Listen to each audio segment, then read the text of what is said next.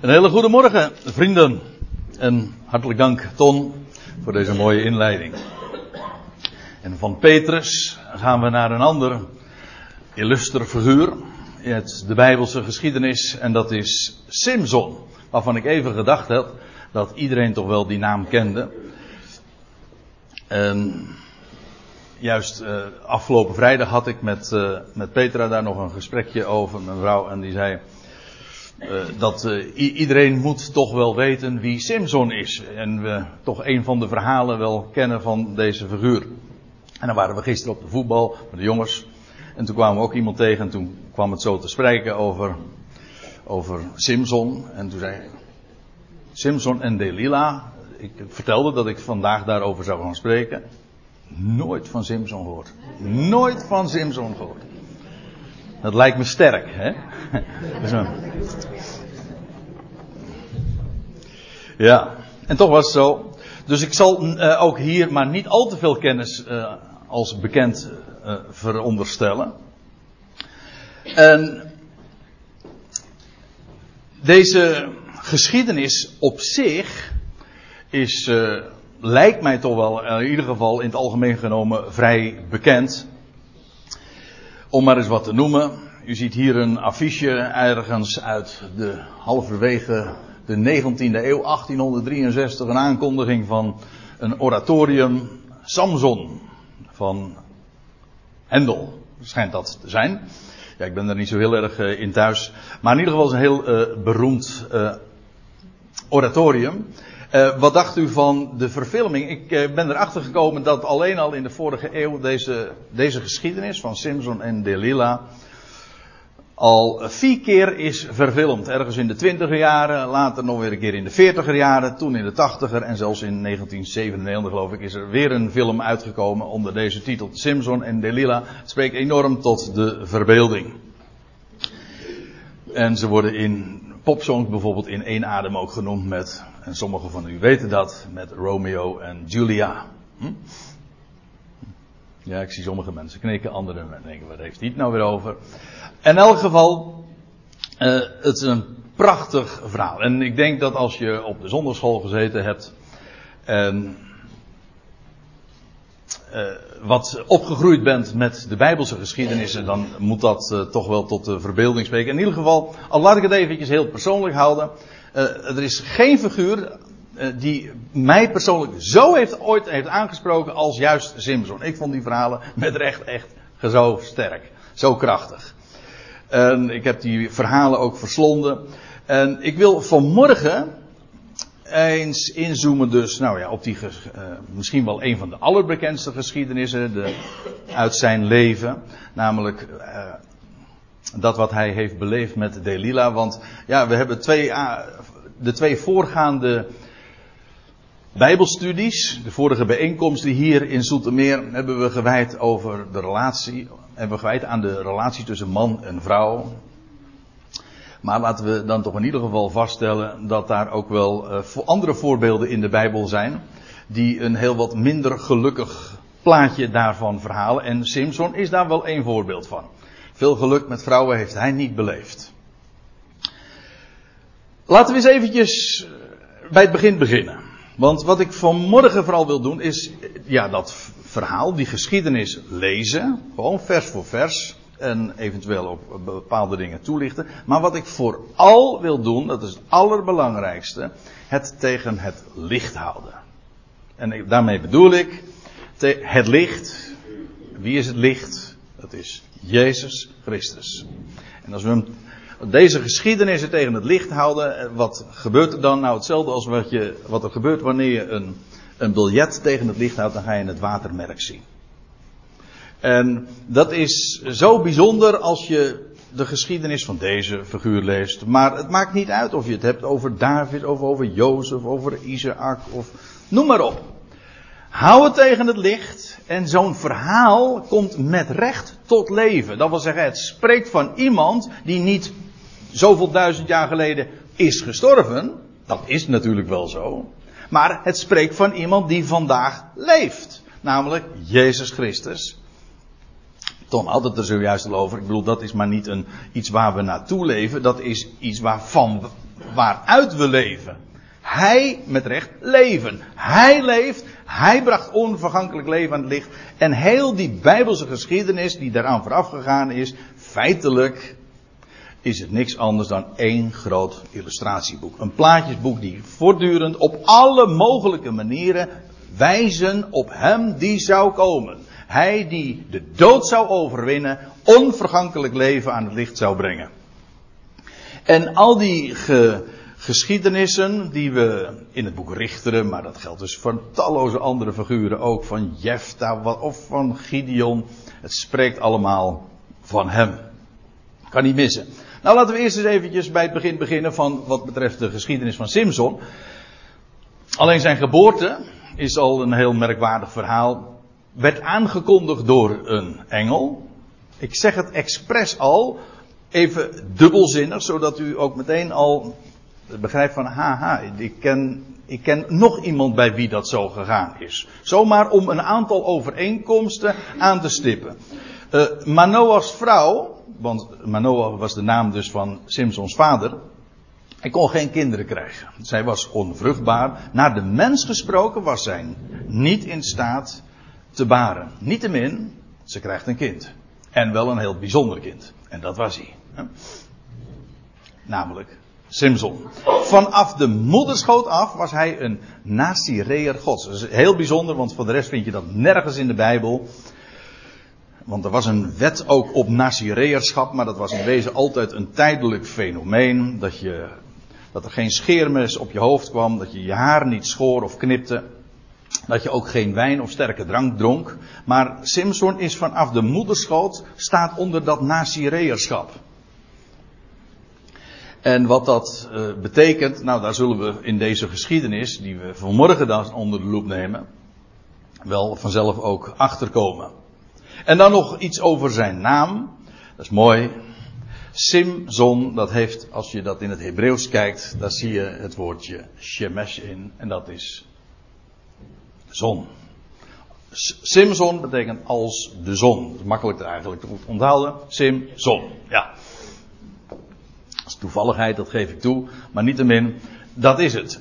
Zijn naam heeft, uh, houdt verband met, met, de, met de zon. Uh, hij woonde trouwens ook vlakbij een plaatsje. Dat heette, en dat speelt uh, nog in de Bijbelse geschiedenis diverse keren een rol, Bet Shemesh. En Bet Shemesh betekent dus huis van de zon.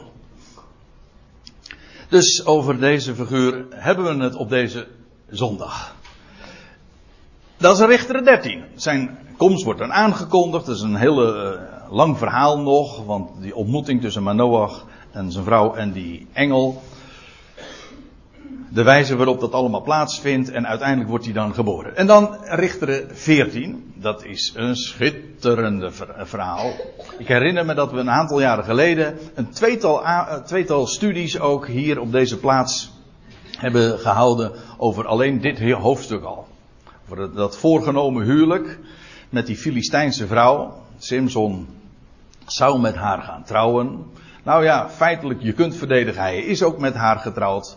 Maar reeds in de bruiloftsweek ging het helemaal mis. En dan die geschiedenis, want daar heeft het dan alles mee te maken, met die leeuw die hij heeft overwonnen. Sterker dan de leeuw. En in, in die verscheurde leeuw vond hij later bij terugkomst. Ik ga er nu dus even maar vanuit dat u dat kent. En zo niet, dan moet u dat allemaal nog maar eens een keertje nalezen. Maar in ieder geval vond hij honing in die leeuw verscheurde leeuw. Hij, werd, hij verscheurde hem als een lammetje, staat er. Dat geofferd wordt. Het spreekt van hem die inderdaad stierf. Die de leeuw van Juda is. Maar in wie ook honing gewonden wordt. Dat, is, dat wil zeggen levend woord. Dat de ogen verlicht. En, maar dat bleek dan ook weer de, de basis te zijn van een raadsel. Een verborgenheid die hij vertelde. En ze kwamen er niet achter. Wat ik eigenlijk wil zeggen. Want ik geef toe dat ik erg cryptisch ben, erg raadselachtig. Maar goed, dat is goed te verdedigen in dit verband. Waar het mee te maken heeft, is dat de Heer kwam tot de zijnen. Om de zijnen, zijn volk, te trouwen. Tot bruid te werven. Maar in zijn eerste komst liep dat spaak. En wat er voor in de plaats kwam was een raadsel, een verborgenheid. Ja, en dat heeft alles te maken met deze tussenliggende periode. Waar wij nu ons in bevinden. Dat is Richteren 14. Dan krijg je Richteren 15. Een geschiedenis. De, tijdens de tarweoogst. Als u trouwens over een aantal weken in, uh, in dat is met Pinksteren, ja, met Pinksteren in Rotterdam bent, dan uh, nodig u uit om daar eens naartoe te gaan, naar die samenkomst. Want dan mag ik een Bijbelstudie houden, of in ieder geval dan ga ik spreken over dit hoofdstuk. Ik ben daar helemaal al uh, op geprepareerd. Namelijk zo'n ja, wonderlijk verhaal, maar ook schitterend. Pinkstervuur. Kent u die geschiedenis van dat Simpson dan die 300 vossen vangt? Dat is toch echt geen, dat lijkt me geen kleine klus. Hm? Probeer het maar eens één vos te vangen. 300 vossen te vangen. Vervolgens bindt hij ze allemaal, bindt hij daar fakkels aan. Hij koppelt ze twee en twee. En die laat hij dan door de Filistijnse velden gaan. Waardoor die, al die hele oogst ook naar de Filistijnen gaat, ja. Daar komt het op neer. En dan krijg je later nog die geschiedenis van die ezelskaak. Ook zo prachtige, ja, tot de verbeelding sprekende geschiedenis waarmee die duizend man verslaat. Dat is Richter 15. En dan komen we eindelijk in het hoofdstuk waar we vanmorgen dus uh, ook wat op willen focussen. Eerst nog even over die eerste drie versen. Dat is wel zo prachtig. We zongen zojuist dat lied over de. Hoe was het nou? Over de poorten der hel, de poorten van het dodenrijk. Oh ja, wacht, nee, dat was niet dat lied. Dat was uh, dat citaat uit uh, Matthäus 16. Dat is ook zo. En de poorten, gij zijt Petra. En op deze Petrus zal ik mijn, mijn gemeente, mijn ecclesia bouwen. En de poorten van het dodenrijk zullen haar niet overweldigen. Waarom? Omdat hij spreekt van de zoon. De, de zoon van de levende God. En waar ik, uh, waarom ik dat nu even aanhaal, is omdat Simson die, ja, die komt daar bij een hoer. En je leest het in deze eerste verse. En dan wordt hij gevangen genomen in Gaza. Hij, bevindt zich in het hol van de leeuw. Maar u weet, met leeuwen heeft hij geen problemen. Dus, uh, en dan op uh, middernacht staat hij op. Ze hadden expres de, de gesloten en ze zou, het was kat in bakkie, ze konden hem zo gevangen nemen en ombrengen. Gebeurt niet, in, rond middernacht staat hij dan op. En hij sloopt die, die poort uit de, of die deuren uit de poort, zeg maar, uit de opening. En hij brengt die poortdeuren naar de top van de berg. 58 kilometer verderop. Dat staat er niet zo in de geschiedenis, maar dat kun je zo narekenen. Of zoals het geformuleerd wordt. Schitterend verhaal. Kijk, waar het van spreekt. Ga Simson in Gaza, de poorten van Gaza, laat ik het dan zo zeggen. De poorten van Gaza konden Simson niet tegenhouden. Denk even nu weer dubbelzinnig. Houd even tegen het licht. Je ziet het watermerk meteen weer. De, de, hoe zegt Petrus later, ook weer Petrus, in handelingen 2. De dood kon hem niet vasthouden. En hij breekt open. En wat doet hij als triomfator? Gaat hij naar de top van de berg. Dat wil zeggen, naar de hoogste hoogte klimt hij op. En het embleem van zijn overwinning neemt hij mee. En daar is hij nu. Dus dat spreekt inderdaad van die, die man gods. Weet u, bij zijn geboorte was al gezegd, hij zal een begin maken met de verlossing van Israël. En daarmee verwijst hij door die formulering naar degene die de verlossing van Israël zou voleindigen. En wie dat is, dat lijkt me toch niet zo moeilijk. Naar de echte man Gods, de echte verlosser, die de verlossing voor Israël, maar niet alleen van Israël, uiteindelijk de hele wereld gaat completeren, gaat voleindigen. Wel, hij is het die gekomen is en Simpson is een type daarvan. Hij is het die, die de poorten van het dodenrijk heeft geopend. Hij heeft ook de sleutels daarvan. Hij breekt open. Hij maakt ook open. Er is trouwens een andere richter die heet zo zelfs. Jefta, Jefta betekent, dus een andere richter, die, dat, die naam betekent hij opent. Nou, dat is wat Simson ook hier bij deze gelegenheid doet. Nou, wat ik u mee met deze dingen en met deze plaatjes even wil laten zien, is dat Simson in al zijn, en al die dingen die hij zo meegemaakt heeft, een plaatje is, een, een illustratie is van degene die zou komen, onze Heer Jezus Christus.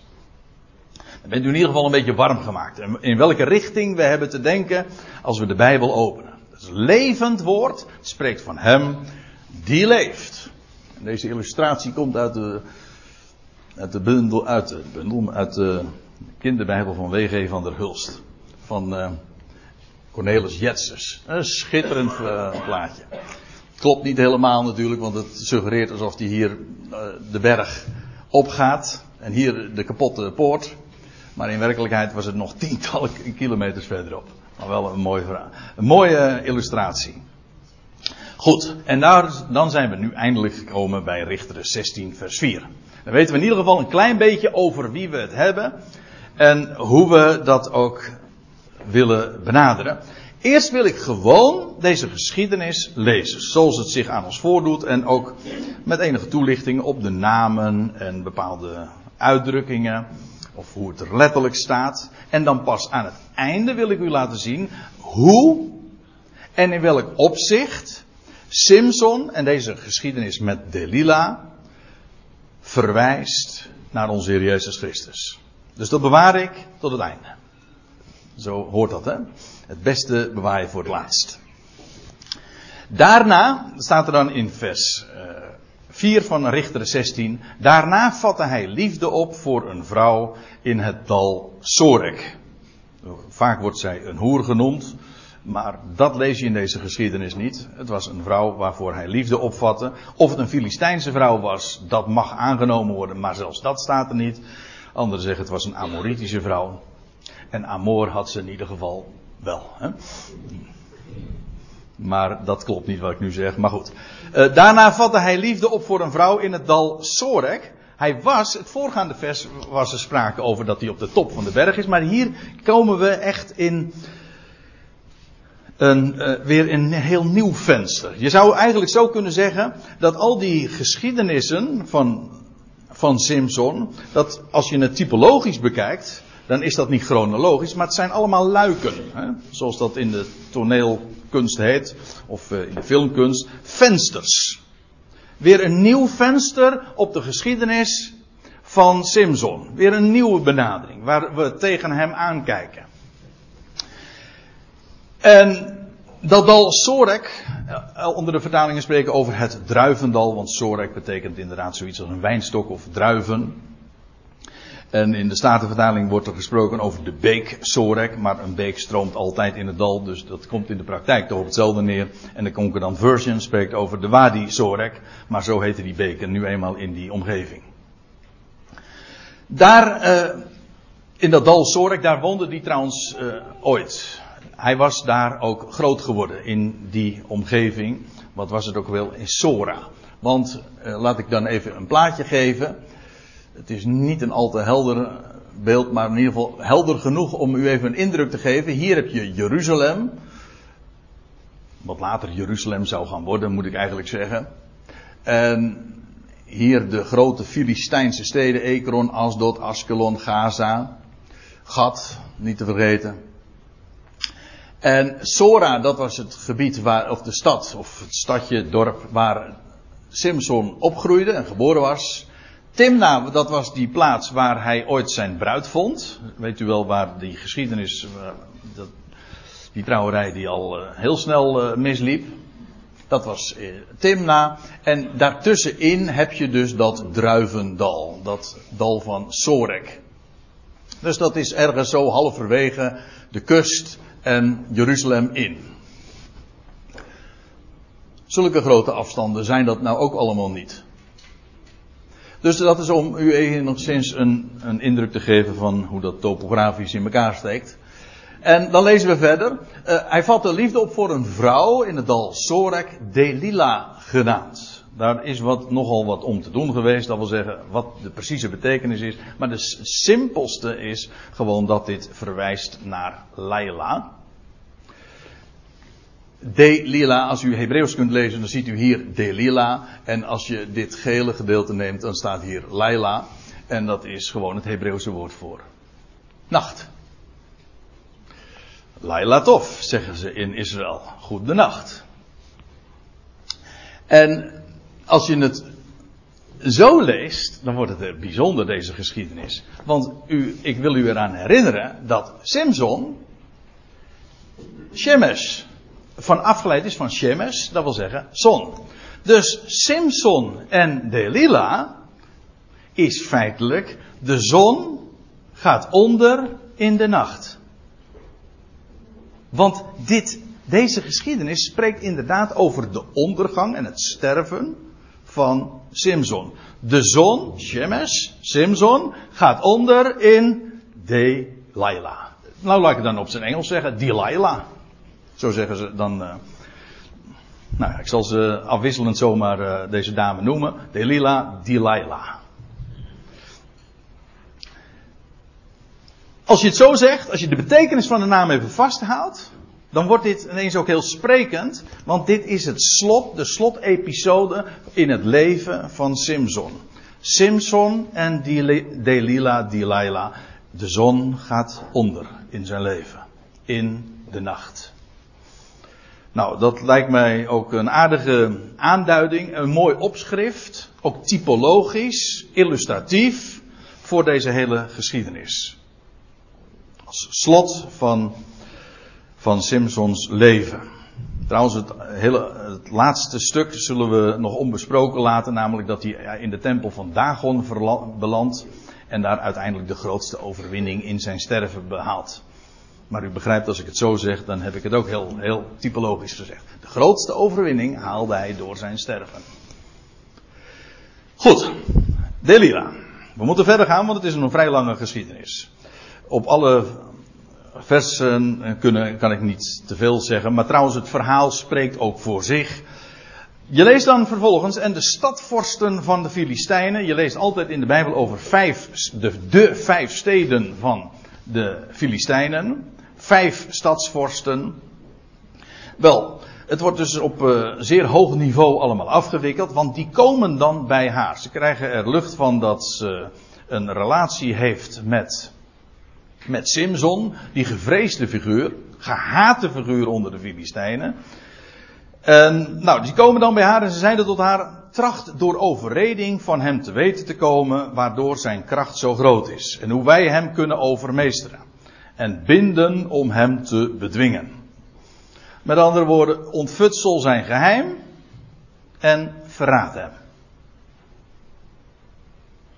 Het is niet de eerste keer trouwens dat dit Simpson overkomt, want dit was uh, eigenlijk een loopt parallel met wat we lezen in die geschiedenis met de vrouw van zijn eerste vrouw, zal ik maar zeggen, die in Timna. Weet u wel, die was ook die moest ook uh, toen van haar familie en de omstanders op dat feest uh, het geheim van Simson zien te ontfutselen.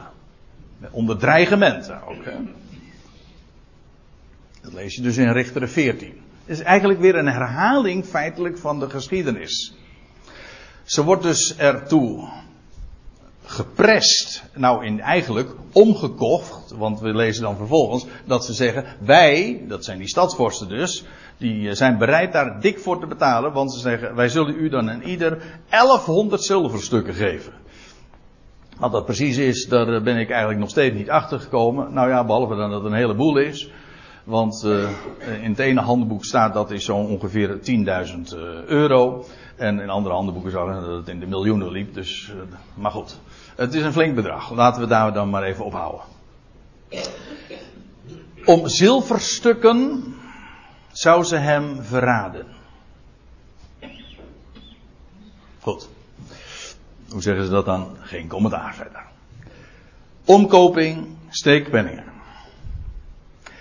Toen zeide Delila tot Simson: Vertel me toch, waardoor uw kracht zo groot is en waarmee gij gebonden zoudt moeten worden om u te bedwingen Om u, letterlijk staat het, te verootmoedigen, te vernederen.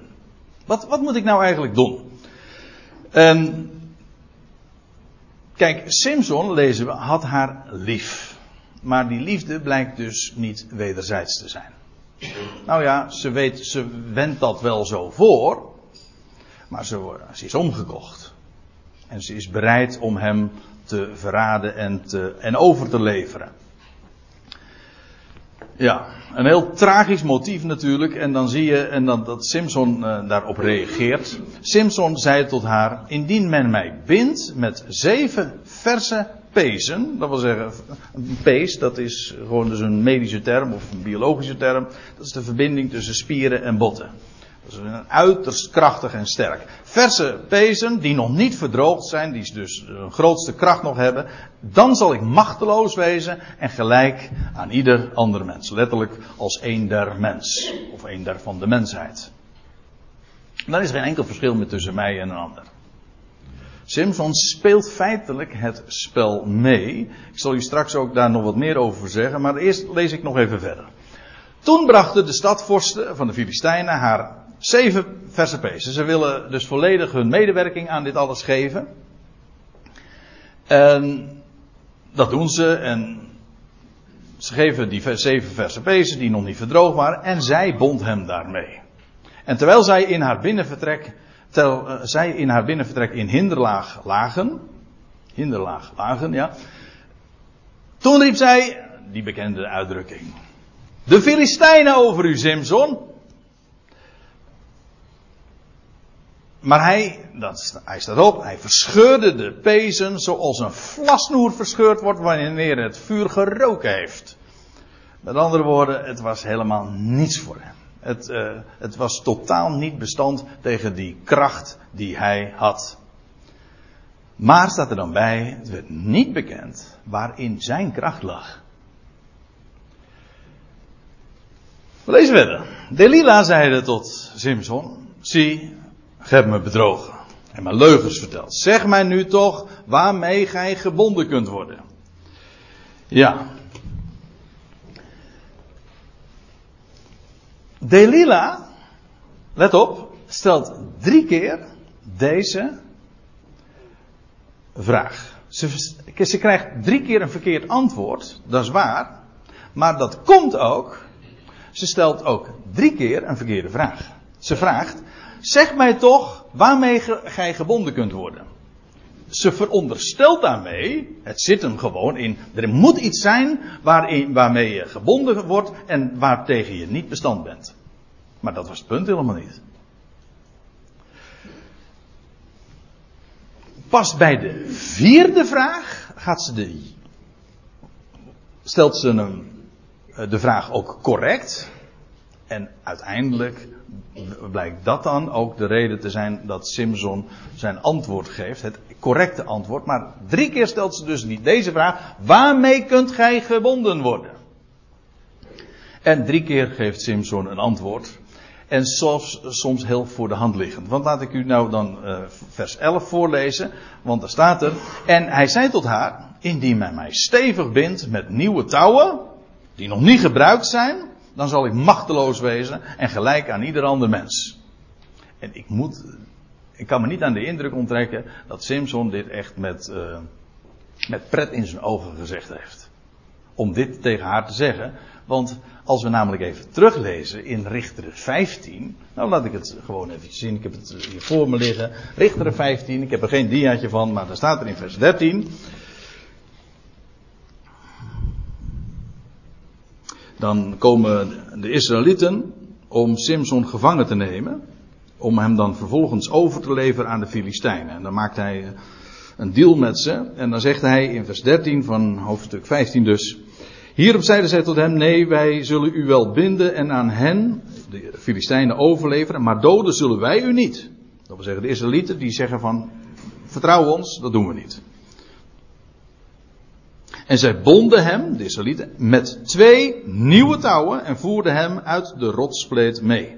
Rotsspleet, ja. Met dubbel S. Zodra hij te Legie gekomen was en de Filistijnen hem met gejuich tegemoet kwamen, greep de geest des Heren hem aan en de touwen om zijn armen, waren dus nieuwe touwen, en de touwen om zijn armen werden als vuur verbrande vlasstengels en zijn banden smolten weg van zijn handen. Een wonderbaarlijk gebeuren, maar dat betekent dus, Simpson had ervaring met nieuwe touwen. En hij wist, het peanuts. Ja, dat, dit, ja, ik weet een heleboel mensen zeggen, dit zijn sterke verhalen. Nou, dat zijn ze ook. Maar hij was een Nazireër gods. En hij, de geest des Heren, het was kracht van boven die hem aangreep en die bleek er dus helemaal niet tegen bestand te zijn. En we lezen even verder nu weer in die geschiedenis van Simpson en Delilah. Daarop nam Delilah nieuwe touwen. Ze volgde hem dus op. Misschien heeft ze wel aangevoeld van ik word in het ootje genomen, dat weet ik niet. In elk geval, ze probeert het uit. Daarop nam Delilah nieuwe touwen, bond hem daarmee en riep hem toe, de Filistijn over u Simpson. Er lagen in het binnenvertrek mannen in hinderlaag. Daar heeft Simpson ongetwijfeld geen weet van gehad. Maar in elk geval, hij scheurde ze van zijn armen af als een draad. Niet een nieuwe touw, maar een draadje. Delilah zei tot Simpson, tot nu toe hebt gij mij bedrogen en mij leugens verteld. Zeg mij waarmee gij gebonden kunt worden. Let op, het is de derde keer dat ze weer deze verkeerde vraag gesteld wordt. Dat was een verkeerde vraag. Ik bedoel, ze veronderstelt met, met deze vraag dat het probleem zit in de binding. En toen zeide hij, Simpson tot haar, als gij de zeven haarvlechten van mijn hoofd met de schering van een weefgetouw samenweeft. Nou, wat hij precies hier bedoelt, dat uh, is niet helemaal duidelijk. Maar het komt er in ieder geval op neer. In één ding blijkt in elk geval dat hij, zijn lange haren was verdeeld in zeven haarvlechten. En nu komt hij toch wel heel gevaarlijk dichtbij het ware antwoord. Hij geeft het antwoord niet, maar hij begint nu al te verwijzen naar zijn haar. Als je dat vastmaakt met de schering van een weef en met een weefgetouw samenweeft. Anderen hebben dan, uh, dat, maar dat heeft dan weer met vertalingen te maken en uh, de wijze waarop een woord precies begrepen moet worden. Waarbij dan de gedachte zou zijn dat hij ook vastgepind werd in, in de muur dan vervolgens. Maar anderen spreken dat weer tegen. Eén ding is duidelijk, dat haar, die haarvlechten, die moesten zodanig uh, vastgebonden worden dat, dat, dat hij geen kant op kon. Nou, en dan lees je Delilah, die, praktisch, die voert dat in de praktijk uit en ze hechten ze vast met een pin, waarna zij hem toeriep, voor de derde keer, de Filistijn over u Simson. Maar toen hij uit zijn slaap ontwaakte, rukte hij de weverspin en de schering los. En ze zei tot hem: Hoe kunt gij zeggen, ik heb u lief, terwijl uw hart mij niet toebehoort? En dan denk ik bij mezelf: zij, zij. Hm? Ja.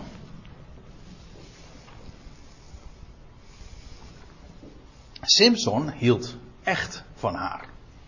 En ik weet, in deze geschiedenis het is mij vaak opgevallen, even een opmerking tussendoor. Misschien toch wel van belang.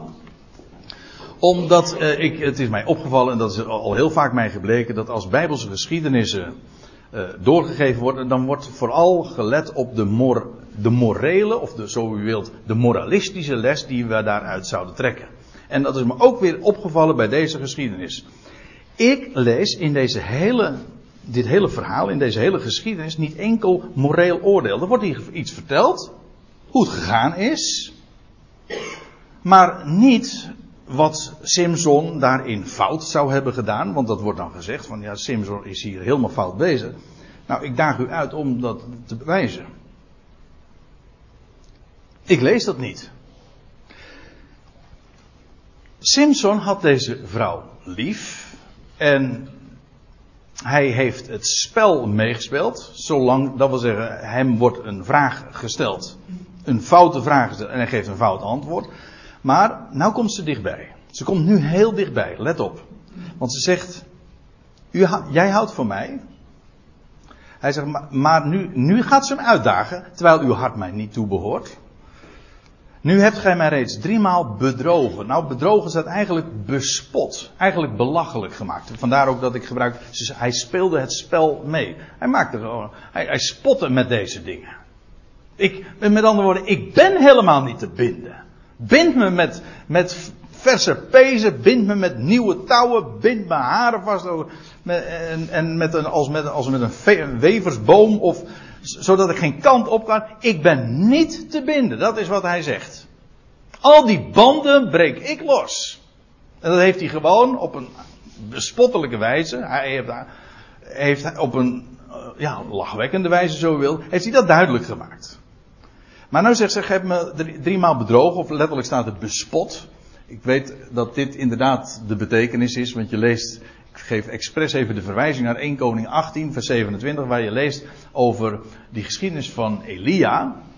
Sommige mensen zeggen je mag niet spotten. Nou, dan, dan moet u de Bijbel nog eens goed lezen. Want uh, in de geschiedenis van uh, Elia, dat hij bij die priesters van Baal is, dan gaat hij ze toch belachelijk maken, zeg. Dat is blasfemisch. Dat wil zeggen, hij, hij, al die goden zet hij gewoon, eh, nou niet al die goden, de Baal, die, eh, die zet hij gewoon te kijk. En hij bespot ze. Nou, daar, als je, daar, daar wordt hetzelfde woord bespotten ook weer gebruikt. In het Hebreeuws is exact hetzelfde woord. En dan wordt het ook zo vertaald, omdat het woordje bedriegen dan totaal niet past. Dat kan niet. Dus het, het is niet bedriegen, het is bespotten. Dat is wat ze zegt. Je hebt me nou drie keer bespot. En mij niet verteld waardoor uw kracht zo groot is. Aha, nou komt ze dichtbij. Nu stelt ze inderdaad de enige correcte vraag. Eerst veronderstelde ze nog dat het zit in, de, in waarmee hij gebonden zou worden.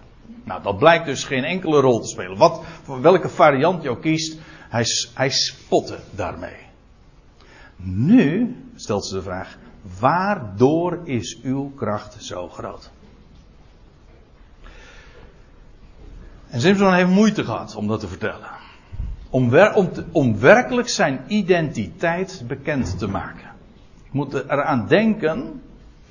Ik zeg het maar eventjes nu ook. Meteen. Om, om even in ieder geval ook die rode draad van deze hele morgen vast te houden. Een rode draad, ja, leuk. Maar dat hij Um, wat wilde ik nou zeggen? Nou, laat ik eens even een glasje. Een slok water drinken.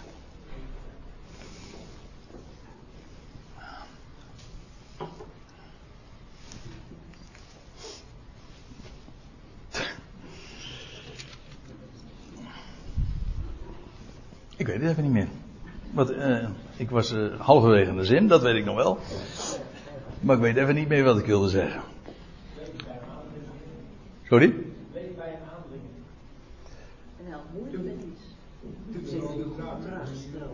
Ja. Waardoor de kracht zo groot is. Sorry. Ik ben de, ik ben de draad even kwijt, ja. Ja. Nou, het thuisfront, dat uh, hier uh, voltallig aanwezig is, die uh, verbaast dit helemaal niet hoor, dat kan ik vertellen. Want dit maken ze dagelijks mee. En ik ben dagelijks het voorwerp van spot om deze reden. Dus, als, als het heel erg gaat worden, dan moet ik maar zo ophouden met spreken, denk ik. Maar goed, als het niet erger wordt dan dit. het gebeurde dat zij dag aan dag bij hem met vragen was blijven aandringen en aanhouden. Hem bleef benauwen. Want dat is eigenlijk wat ze deed. Uh, ze, ze, maakte hem, want het staat hier aandringen, maar ze maakte hem gewoon benauwd. Hij wilde dit niet vertellen. Nou, ineens weet ik weer wat ik wilde zeggen. Want ik ken nog iemand. Dat is het. Ik ken nog iemand. Een, niet een Nazireër, maar een Nazarener die niet wilde vertellen wie hij eigenlijk was. We hadden het over deze geschiedenis. Uh, Ton begon er al over. Wie zeggen de mensen dat ik ben? Nou, de, dit, de Elia, en anderen zeggen Jeremia, een van de profeten. Wie zeg jij dat ik ben?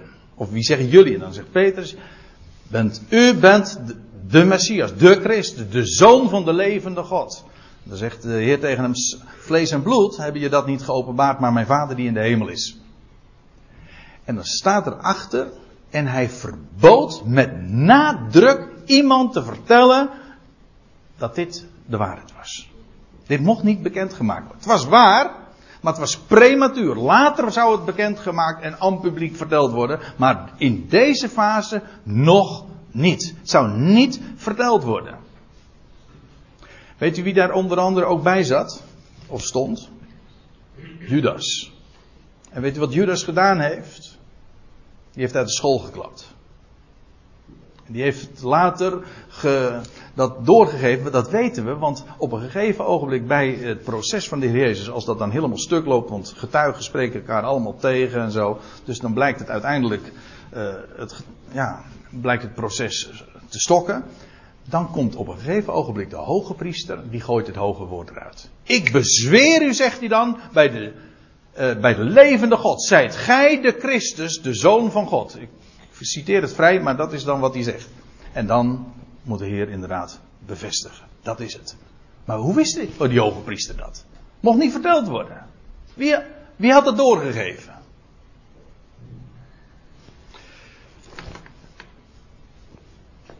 Nu blijft deze Delila maar aandringen, hem benauwen. Nou, dag aan dag zeuren. Hm, en hoe is het? Er staat ergens in het boek Spreuken. Het is beter te wonen op de hoek van een dak. Hm? Dan met een zeur. Ja, er staat in de meeste vertalingen staat er met een twistzieke vrouw. Maar er staat, in de Common Version staat een, een nagging. Een zeurende vrouw. Ja. Ze bleef. Maar in ieder geval, hij had haar lief. En ze bleef hem benauwen en aanhouden. Dat hij ongeduldig werd tot stervens toe. Hij werd met recht dus. Er staat letterlijk, hij werd verkort. Tot stervens toe. Hij werd er doods benauwd van. U moet zich realiseren, hij hield van haar. En nou, wil, nou moest hij dit. Uh, hij moest zijn geheim gaan vertellen. En uiteindelijk doet hij dat ook. Want er staat er, hij werd, tot, hij werd doodsbenauwd, tot, tot, hij werd verkort tot stervens toe.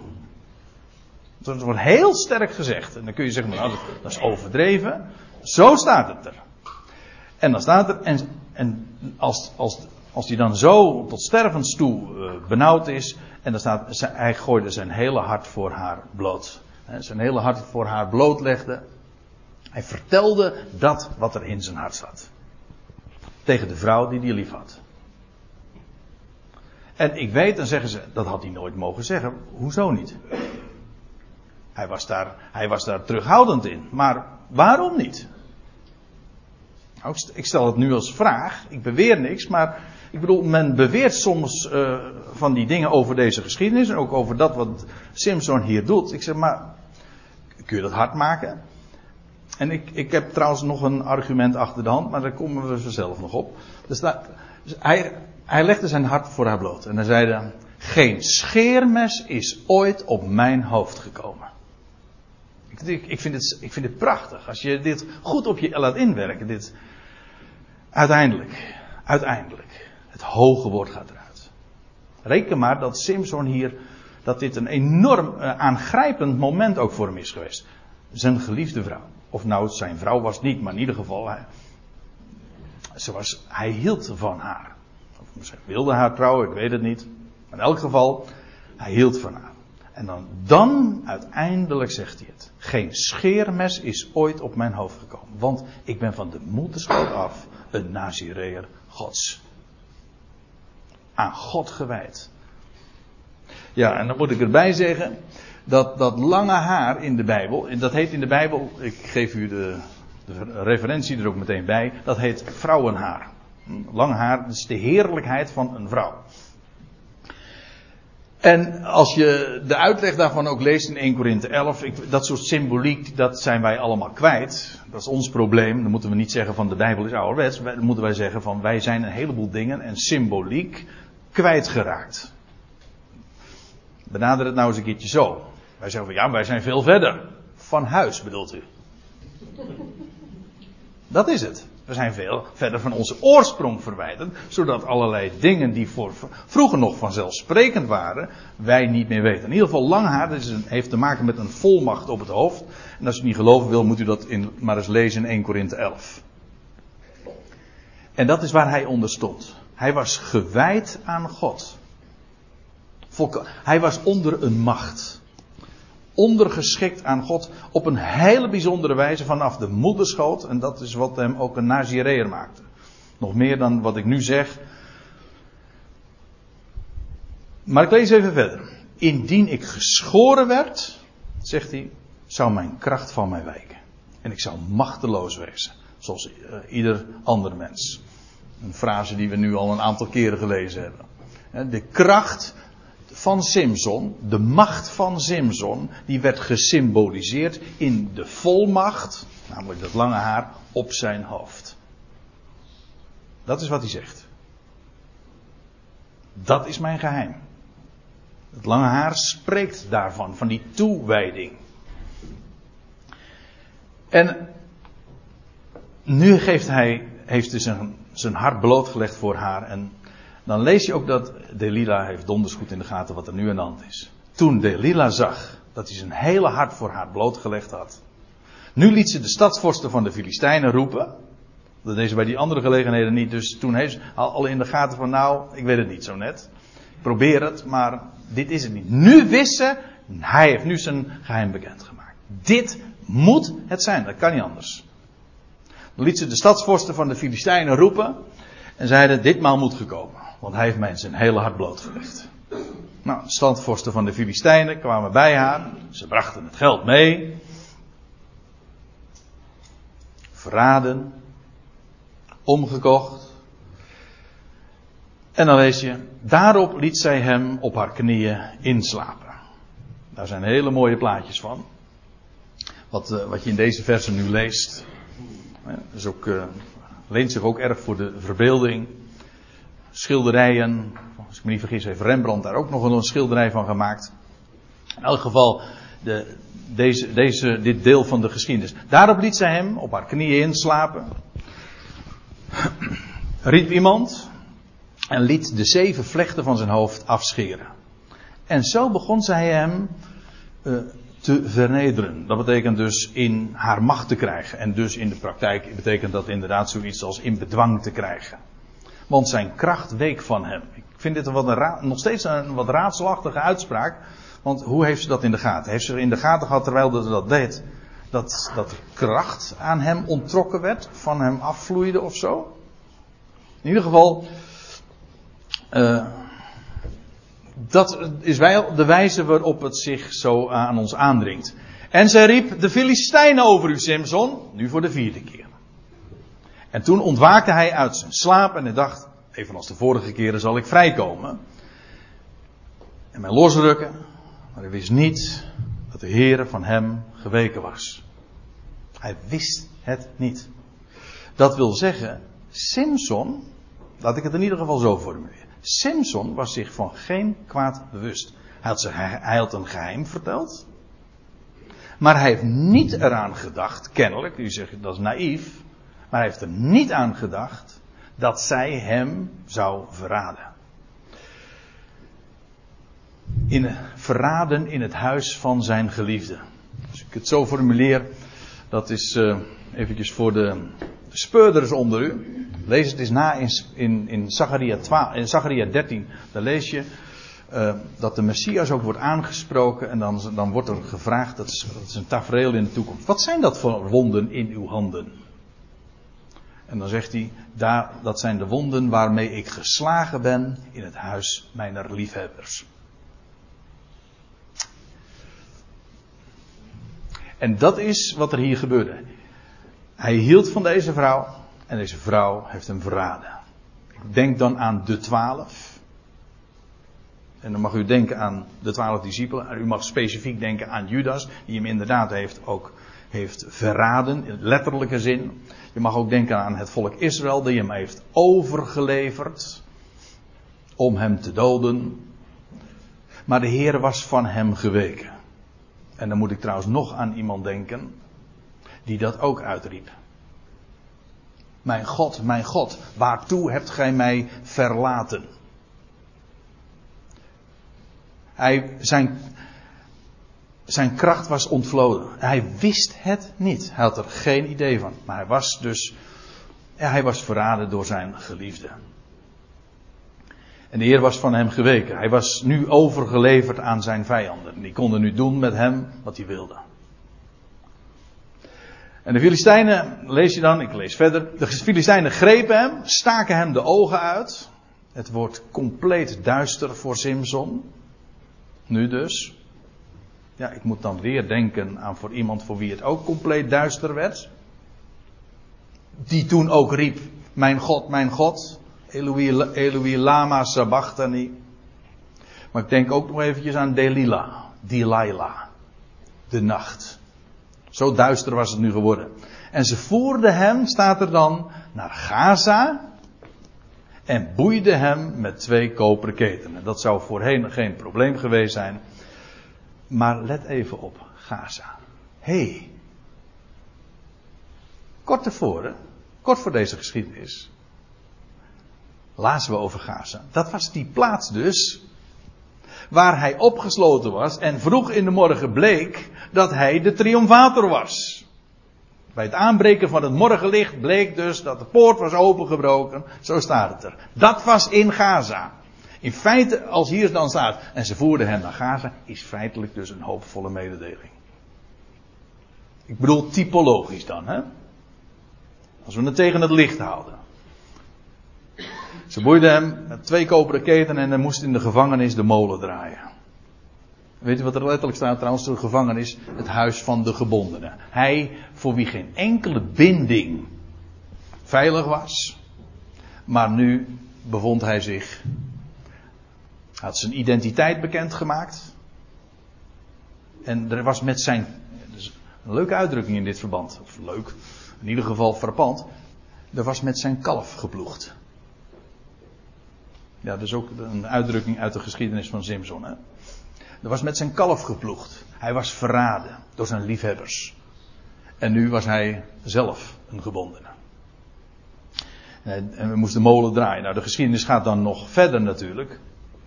Want uiteindelijk komt hij dan in die tempel van Dagon. Maar hier eindigt strikt genomen die geschiedenis met, met Delila. Oh ja, dan lees je ook nog uh, tenslotte in vers 22, maar van het ogenblik af dat zijn hoofdhaar afgeschoren was, begon het weer aan te groeien. Ja, de, denk je dan, dat is toch logisch? Dat is toch altijd zo? Ja, maar let er even op.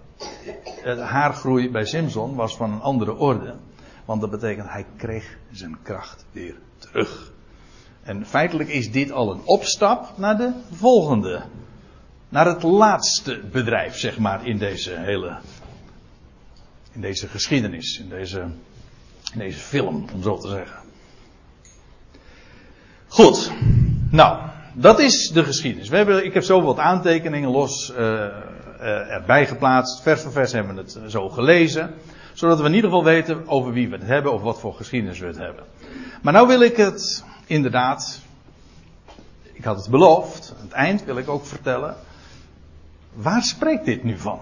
Simpson en Delilah. Nou ja. Laten we het eens op een, een rijtje zetten. In feite, als u goed geluisterd hebt, dan, dan ligt het nu wel voor de hand. Maar ik wil op een aantal dingen graag nog, in ieder geval ook samenvattend wijzen. De zon, gaat onder in de nacht. Simpson en Delilah. Hij is verraden en overgeleverd in het huis van zijn liefhebbers. Van zijn liefhebber of liefhebster in dit geval. Maar u begrijpt, verraden, overgeleverd. Degene die hij lief had. Ook verkocht om zilverlingen. Al deze opmerkingen hoe kan ik eigenlijk plaatsen zonder er veel, al te veel toelichting bij te geven. Want u begrijpt de link. Als het eenmaal tegen het licht houdt, dan, dan het, ligt het zo voor het grijpen. Hij alle, dat is eigenlijk het grootste gedeelte van deze geschiedenis, die bewijst vooral hoe hij spotte, en u weet nu waarom ik dit woord gebruik, hoe hij spotte met alle bindingen, met alle banden. Maar dat is toch precies zoals wij de verlosser van Israël kennen, die alle banden losmaakte. Wanneer de waarheid zal u vrijmaken, was, sprak hij ooit in Johannes 8. En, wanneer, en dus, het is de zoon die vrijmaakt, die de banden losmaakt. Hij maakt de demonische banden los. In dat verband wordt inderdaad ook gesproken over losmaken. Over alle banden, bindingen met ziekte maakte hij los. Alle dodelijke banden. Mensen die gevangen zaten in de dood. Hij deed ze opstaan. Bij meerdere gelegenheden. De jongeling van Nain, om maar wat te noemen. De uh, Lazarus, zijn vriend. Alle zondige banden. Hij is degene die alle bindingen losmaakt en daarmee spotten. Nou, dat is wat het grootste gedeelte van deze geschiedenis vooral ook illustreert. Geen band voor, voor hem was te sterk of hij was zelf krachtiger. Oh, dan vergeet ik er nog één been, alle traditionele banden. Ik heb hem helemaal onderaan staan, maar het is wel zo. Als er één band is die een mens bindt, dan is het wel traditie. En waar, mens, en waar, de, de volks, waar het volk en de leiders van Israël vooral mee bezig waren, is de mensen te binden aan hun eigen overleveringen. Maar het woord van God bevrijdt. En dat is wat de Heer eigenlijk ook in zijn, zijn leven verteld heeft. Komt allen tot mij die vermoeid en belast zijt. Gebonden ook zijt. Ik zal je rust geven. De banden van de traditie maakte hij los. Ja, en dan nog iets. Deze, wat deze geschiedenis illustreert. Als hij zijn ware identiteit gaat vertellen, bekend gaat maken, zijn hart blootlegt aan degene die hij lief heeft, dat wordt hem fataal. Dat wordt uiteindelijk de reden dat hij gedood wordt. Ziet u de lijn, de parallel? En dan wordt hij als een, dat is Jezaja 53. Kent u, u kent de tekst wellicht. Als een schaap wordt hij geschoren en als een lam ter slachting geleid. Jezaja 53 vers 7. Dat is wat eigenlijk Simson. Hij wordt geschoren, ontdaan van zijn luister, van zijn macht, van zijn volmacht. Hij had de volmacht om alle banden te breken. En nu wordt hij zelf, hij maakt zichzelf bekend. Als de zoon van God en hij wordt verraden in zijn, bij zijn liefhebbers. En zo wordt hij overgeleverd en dat wordt de reden tot hij gedood wordt. Hij wordt geschoren en als een lam ter slachting geleid. Van God verlaten. Ja, dat wil zeggen overgelaten. God heeft hem, natuurlijk, je kan zeggen de Heer was altijd bij hem. Dat was van de Heer Jezus. De Heer zegt ook, uh, alle zullen mij verlaten, maar hij is bij mij. Maar God heeft hem wel overgelaten aan zijn vijanden. En de complete over, duisternis overvalt hem. Ja. En tenslotte wordt hij afgevoerd naar Gaza. En denk om, en dat is ook waar ik dan mee wil afsluiten. Dat is de hoop. Daar in Gaza, dat was die stad waar hij de poort ontzette en daaruit brak. Geen macht hield hem tegen. En uiteindelijk uh, zal hij inderdaad uh, degene van wie hij spreekt. Dat is degene die de triomfator is. En u hebt het plaatje al eerder gezien. Maar ik wil hem nog een keer tonen. En daarmee wil ik inderdaad ook afsluiten. En ik hoop één ding in ieder geval hiermee ook duidelijk gemaakt te hebben. Niet alleen maar dat dit een mooi verhaal is, bijzonder, eh, tot de verbeelding sprekend. Vooral wil ik dat u gaat zien dat heel de schrift en ook zo'n geschiedenis van Simpson tot leven komt omdat het spreekt van hem. Van die sterke man Inderdaad, hij die alle, hij in wie kracht is. Ik ken iemand die ook zo heet. Dat is Boas. In hem is kracht. Wel, in hem is kracht. Hij maakt alle banden los, maar hij heeft zich, hij is uiteindelijk zelf. Hij die bevrijdde, werd uiteindelijk zelf gevangen genomen. En hij die alle banden losmaakte, werd uiteindelijk zelf een gebonden in het huis van de gebondene. Hij stierf, maar er is niet bijgebleven. Met, met name juist deze geschiedenis van, die, van, die, van die overwinning, die poort die hij openbreekt. De poorten van het dodenrijk breekt hij open en hij is nu daar op de top. Daar is hij nu, ontrokken aan het oog, maar de triomfator.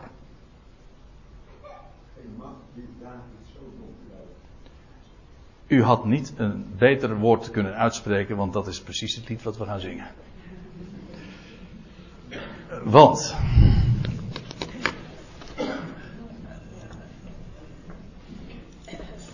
En dat heb ik niet overlegd met mijn schoonvader. Dat kan ik u vertellen. We zouden dit lied zingen. Want kijk maar. ik heb het zelfs ik heb het zelfs al vet gedrukt. Geen graf hield Davids zoon omkneld. Hij overwon. Die sterke, de, sterke held, de ware Simson. Hij die inderdaad het licht is, die ooit ondergegaan is, maar u weet, na de nacht komt er een nieuwe morgen. Gaza, waar de poort is opengebroken. We zingen dit lied. Daar juicht een toon, daar klinkt een stem.